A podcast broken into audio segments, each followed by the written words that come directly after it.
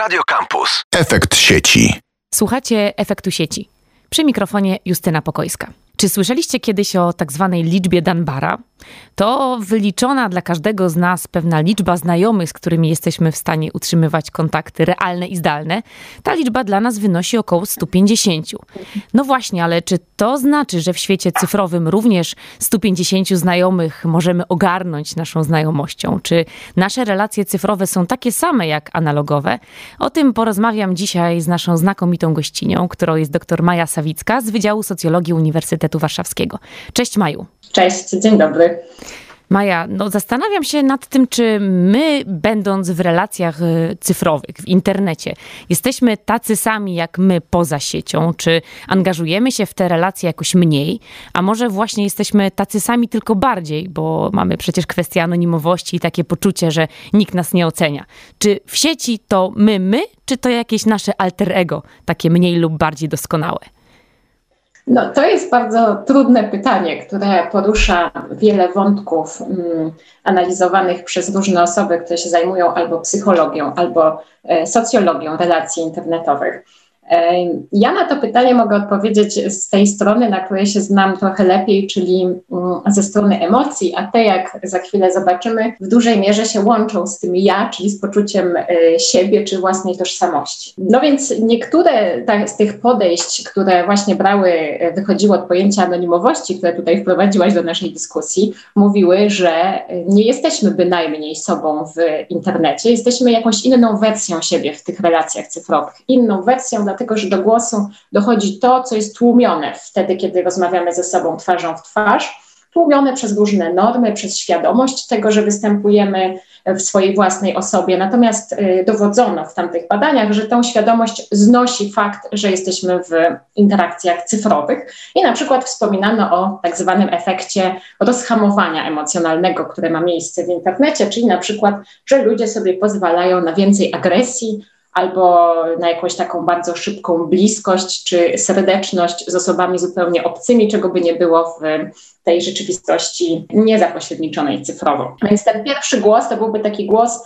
że jednak anonimowość ma zasadnicze znaczenie że tutaj funkcjonujemy trochę inaczej. Natomiast z różnych badań, które e, ja, ja też prowadziłam nad różnymi społecznościami cyfrowymi, te badania by mnie skłoniły do postawienia tezy jednak troszeczkę bardziej zniuansowanej. To znaczy, że jest ten istotny wspólny mianownik, którym jednak jesteśmy sobą. I ten mianownik e, ma właśnie charakter e, emocjonalny. To znaczy, ja bym powiedziała, że zarówno w tych interakcjach offline, twarzą w twarz, czy w interakcjach y, online.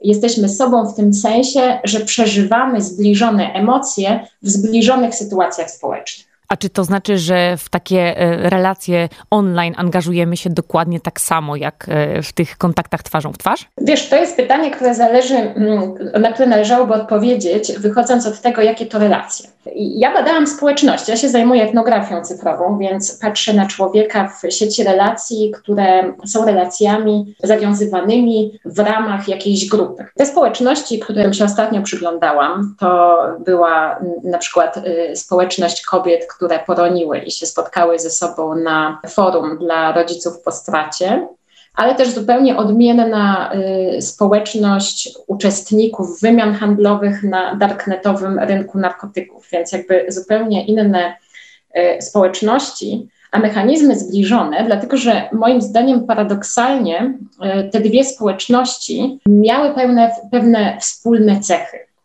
To znaczy, one oferowały coś bardzo istotnego swoim członkom. W przypadku kobiet, które, które poroniły, to było rozpoznanie dla ich straty jako dla takiej prawdziwej, e, prawdziwego dziecka, które, mm, które odeszło. W tym drugim przypadku to był po prostu dostęp do substancji, do których trudno uzyskać dostęp w innych kontekstach. I w tego typu relacjach, w które ludzie wchodzą bo ta społeczność jest im w stanie zaoferować coś bardzo ważnego, coś, czego nie mogą uzyskać od innych społeczności czy w innych kontekstach społecznych. W tego rodzaju relacje wchodzimy jako, jako my, tak jak powiedziałaś, jako pod tym swoim właściwym ja, w tym sensie, że na przykład jesteśmy skłonni przeżywać wstyd i zwracamy uwagę na to, jak odbierają nas inni. Czyli uruchamiają się tutaj takie podstawowe mechanizmy obserwowania swojego własnego odbicia w innych członkach społeczności i w patrzeniu na to, czy my aby na pewno jesteśmy akceptowani jako członek społeczności, czy zachowujemy się zgodnie z normami obowiązującymi w tej społeczności, czy nie grozi nam bycie ofiarą, czy, czy przedmiotem tego, co, co się nazywa wykluczeniem społecznym, czyli czy po prostu nie zostaniemy wyrzuceni z tej e, społeczności, na której nam zależy, do której chcielibyśmy przynależeć. My to w socjologii nazywamy chyba jaźnią odzwierciedloną, ale wspomniałaś o, o wstydzie, właśnie jako o tej emocji, która też występuje w relacjach e, cyfrowych. No, fascynuje mnie to, jak ludzie wstydzą się w internecie. Jeśli mogę zadać takie pytanie, być może ono łączy tutaj, czy miesza te szyki i porządki, w których pracujesz.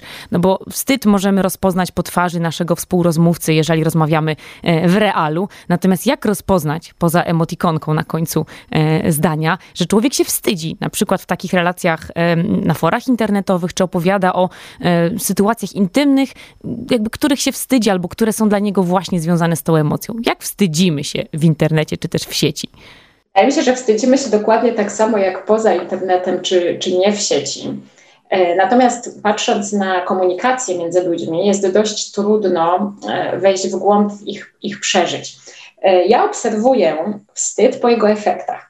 To znaczy, w podejściu, które przyjmuję, wstyd jest emocją społecznie konstruktywną i konstytutywną.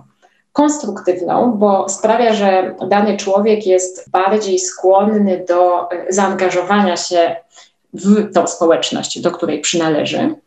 E, a konstytutywną, bo właśnie w oparciu o mechanizmy zawstydzania albo wręcz przeciwnie wzmacniania oceny partnera interakcji, ustalane są normy, wartości, to wszystko, co jest jak w jakimś sensie produktem danych społeczności. Może, żeby nie mówić w takich abstrakcyjnych terminach, to opowiem o tym na przykładzie. Dobrym przykładem tego jest, są właśnie te relacje czy, czy interakcje w ogóle na darknetowym rynku narkotyków, który, który analizowałam z, ze współpracownikami z Edynburga.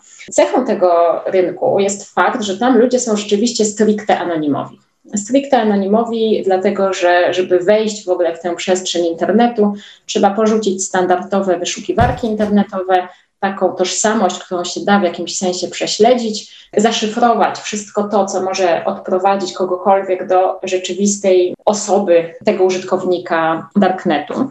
I oni mogą w związku z tym uczestniczyć w interakcjach na forum wbudowanym w ten rynek pod dowolnie wybranymi takimi lokalnymi tożsamościami, stworzonymi na potrzeby tych właśnie interakcji. Więc są to warunki właściwie pełnej anonimowości. Taka, taka jest jakby tutaj cecha tych, tych interakcji. Następnie na tym forum wchodzą ze sobą w interakcje, które bardzo przypominają po prostu spotkania międzyludzkie, w takim sensie, że wymieniają się tam różnymi doświadczeniami i są to doświadczenia z jednej strony związane z handlem bądź korzystaniem z, z substancji psychoaktywnych, ale również ze swoimi poglądami na temat y, życia, na temat narkotyków jako takich, na temat tych konkretnych rodzajów narkotyków, którymi tutaj moż, można handlować w, akurat na tym rynku. Więc wymieniają się tymi doświadczeniami. Pytałaś o wstyd, w jakim momencie możemy go zaobserwować. Możemy go zaobserwować wtedy, kiedy widać wyraźnie, że dana osoba reaguje na znaki akceptacji bądź nieakceptacji tego, co mówi lub tego, jakie swoje doświadczenie pokazuje. Na przykład takim przedmiotem negocjacji na tym rynku są kwestie związane z tym, co można nazwać dobrym narkotykiem. Czy wszystkie narkotyki powinny być dopuszczone do obrotu na tym rynku, czy tylko niektóre? I to bardzo wyraźnie aktywizuje hierarchię moralne, czy, czy w ogóle kategorie moralne, bo y, zaczynają się pojawiać argumenty dotyczące tego, że należy być odpowiedzialnym za, za swoją społeczność, że nie można dopuszczać bardzo groźnych narkotyków, które prowadzą do istotnych uzależnień i, i tak dalej. W momencie, w którym ktoś zgłasza opinię, która się spotyka albo z wyśmianiem, albo z jakąś nieprzychylną reakcją społeczności, możemy zobaczyć, jak ta jednostka na to reaguje. I oczywiście nie mamy wglądu w jej uczucia, prawda? Nie wiemy, co ona czuje, czy się rumieni, czy nie, jak czyta to, co, co jej odpisano. Natomiast widzimy, co później robi. I bardzo częstym takim wzorem interakcji jest reakcja polegająca na dość szybkim zaakceptowaniu tej proponowanej normy albo tej postulowanej wartości, podpisaniem się pod nią i powiedzenie: Ja się z wami zgadzam. Uważam, że rzeczywiście ta odpowiedzialność za innych jest najważniejsza. Absolutnie nie odczytujcie mojego głosu jako egoizmu. Oczywiście no, nie mamy gwarancji, że ta osoba odczuła w tym momencie wstyd. Natomiast dysponujemy pewnym zapleczem teoretycznym, różnymi koncepcjami, które pokazują, że właśnie w rzeczywistości offline wstyd działa w ten sposób. To znaczy, skłania ludzi, jest takim wewnętrznym strażnikiem, który powoduje, że jesteśmy bardziej skłonni do patrzenia na to, jak inni na nas reagują i do dostosowywania się do ich opinii na nasz temat, czyli właśnie na przykład do konformizmu, czyli e, poddania się e, normom, które ktoś nam usiłuje narzucić. Jasne, czyli po efektach ich poznacie i po owocach. Ale Maja, wybacz mi bardzo y, może prozaiczne pytanie, ale opowiadasz o tych forach, y, tych nie do końca e, legalnych wymianach substancji, o których nie rozmawiamy otwarcie. Ale jak wygląda kuchnia badacza, takiego badacza, który wnika do darknetu? E, co trzeba zrobić, żeby badać takie emocje w sieci? Bo może offline byłoby to trochę prostsze, ale jak wygląda taki proces badawczy ciebie jako mm, etnografki cyfrowej, czyli badacza, który właśnie właśnie wnika na takie fora? Czy trzeba się tam zalogować? Czy ty jesteś aktywnym uczestnikiem tych rozmów? Jeżeli możesz nam zdradzić, uchylić rąbka tajemnicy, to myślę, że to będzie fascynujące. Ja od razu powiem, że nie byłam tą osobą, która na to forum weszła, także, także nie jestem w stanie dokładnie odpowiedzieć na to pytanie, jak to się robi. Natomiast etnografia cyfrowa, generalnie rzecz biorąc, polega na obserwacji zachowań y, ludzi, tego, jak oni działają, jak reagują, jak, y, jak uczestniczą w ogóle w interakcjach w naturalnym środowisku. I to oznacza, że jeżeli chce się badać taką przestrzeń internetu, jaką jest darknet, trzeba tam wejść. Czyli trzeba mieć kogoś, kto jest w zespole, kto, jest, e, kto ma no, takie kompetencje e, cyfrowe, które pozwolą mu zejść w głąb, że tak powiem, sieci, czyli wyjść z tego poziomu mm, standardowych wyszukiwarek i wejść do, do tej części internetu, która jest niedostępna dla, tak, dla takiego standardowego e, użytkownika. W naszym zespole była taka osoba, która od dłuższego czasu po prostu oglądała te interakcje, tak? Czyli weszła na ten rynek tych narkotyków. To nie było takie proste, dlatego że to wymagało od niej de facto stania się członkiem to, y, tej społeczności. Czyli tam była taka, taka, nie wiem jak to powiedzieć, rytuał przejścia nawet, można powiedzieć, który wymagał od każdego chętnego y, do dołączenia zamieszczenia 50 sensownych postów w komunikacji y, tej grupy.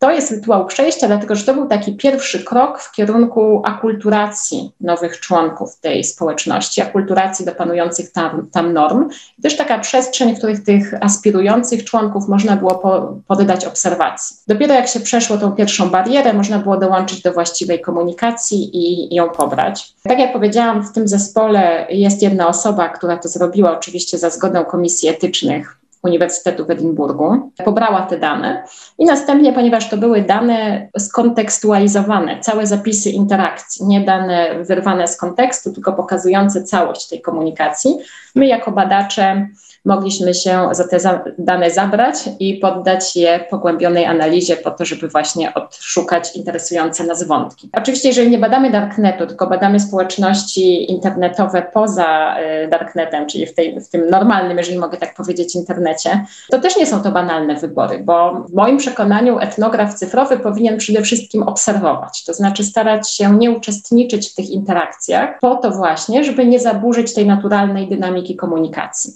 To, co nam daje jako badaczom e, internet, e, czy te różne dostęp do różnych społeczności internetowych, to jest w ogóle unikalna możliwość obserwowania tego, jak ludzie się zachowują w swoim naturalnym już cyfrowym środowisku. E, I to jest generalnie rzecz biorąc kopalnia wiedzy i, i ciekawych, no, takich różnych ciekawych tropów, które można podjąć w badaniach, ale rodzi to wiele problemów etycznych.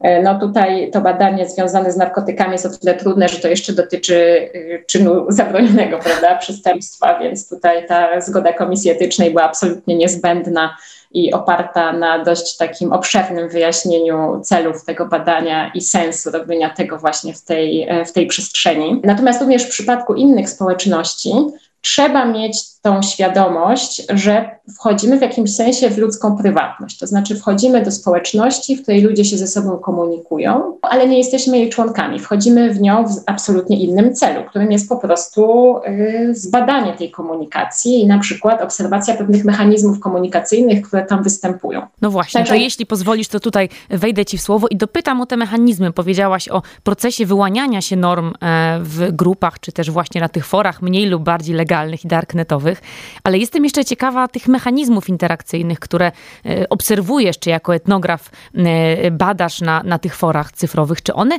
odbiegają od takich mechanizmów analogowej komunikacji, czy też analogowych interakcji pozasieciowych? Czy to są jakieś specjalne mechanizmy, które dzieją się i obserwujesz tylko w internecie, właśnie na tych forach? Czy to są uniwersalne sposoby zachowywania się ludzi w grupie? Ja bym powiedziała, że to są uniwersalne sposoby zachowywania się ludzi w grupie, właśnie dlatego, że one opierają się na takiej rudymentarnej ludzkiej cesze czy zdolności do przeżywania emocji.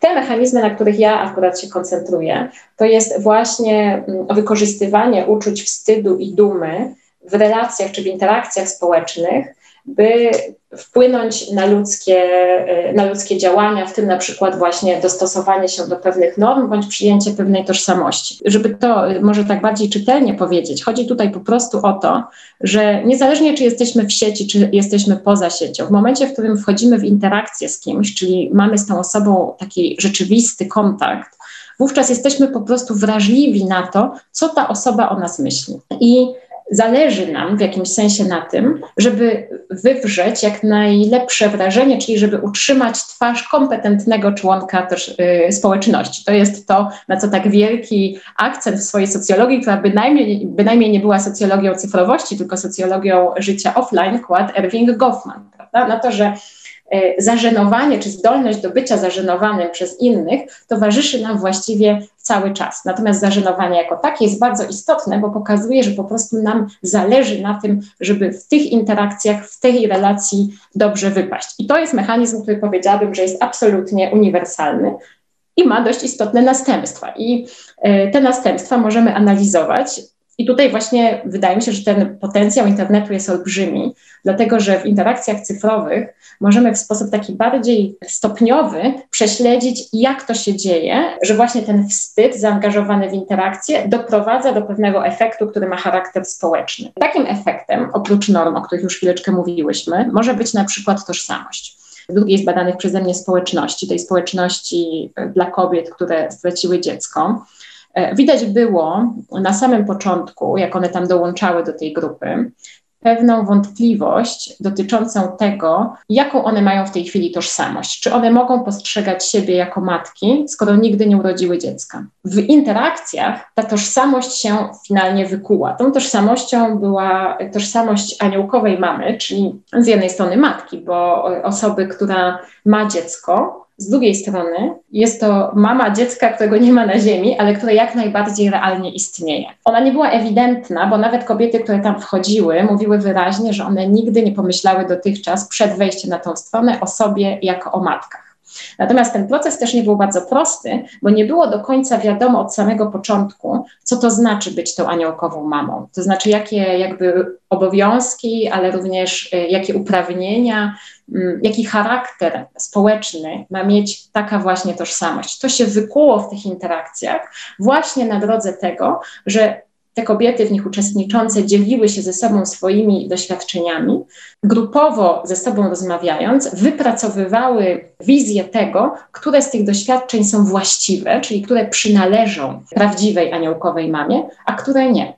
Więc te mechanizmy, o które pytasz, to jest na przykład wykluczenie, odrzucenie, zawstydzenie, ale również pozytywne dowartościowanie, okazanie współczucia, podzielenie w jakimś sensie tych doświadczeń, powiedzenie, ja mam dokładnie tak samo, ja też to tak rozumiem. Na przykład taka krótka wypowiedź tak naprawdę ustawia jakieś doświadczenie jako punkt odniesienia dla pozostałych, czyli już jest krokiem w kierunku uwspólnienia takiej wizji, co to znaczy przeżywać y, rzeczywistość poronienia. Dajmy na to. Niesamowite jest to, co opowiadasz o, jakby o tej naszej aktywności cyfrowej, która nie tylko ma realne skutki, o czym często zapominamy, wchodząc właśnie w interakcję e, online, ale także jest niejako lustrzanym odbiciem albo może kontynuacją naszego życia i bycia w świecie offline. E, Maju, no tutaj jest cała skarbnica wątków, do których na pewno wrócimy, bo i mechanizmy, i emocje, i wstyd, i duma, o której właściwie dzisiaj nie zdążyłyśmy opowiedzieć, to są, to są tematy, które e, są nieco zaskakujące w kontekście naszego bycia w sieci, bo często zapominamy o tym, że to nasze bycie w sieci to jest takie samo bycie jak poza siecią, tylko może właśnie bardziej, e, wbrew tej mojej początkowej tezie z naszej rozmowy. Dziękuję Ci serdecznie za ten dzisiejszy wgląd w nasze bycie cyfrowe i w nasze emocje w tym cyfrowym e, świecie. Naszym gościem była dzisiaj dr Maja Sawicka z Wydziału Socjologii Uniwersytetu Warszawskiego. A cóż, Maju, ja wierzę, że my do tej rozmowy jeszcze wrócimy. Na pewno, bardzo dziękuję. Dziękuję pięknie, a my słyszymy się jak zwykle w kolejnym odcinku Efektu Sieci. Efekt sieci. Radio Campus. Same sztosy.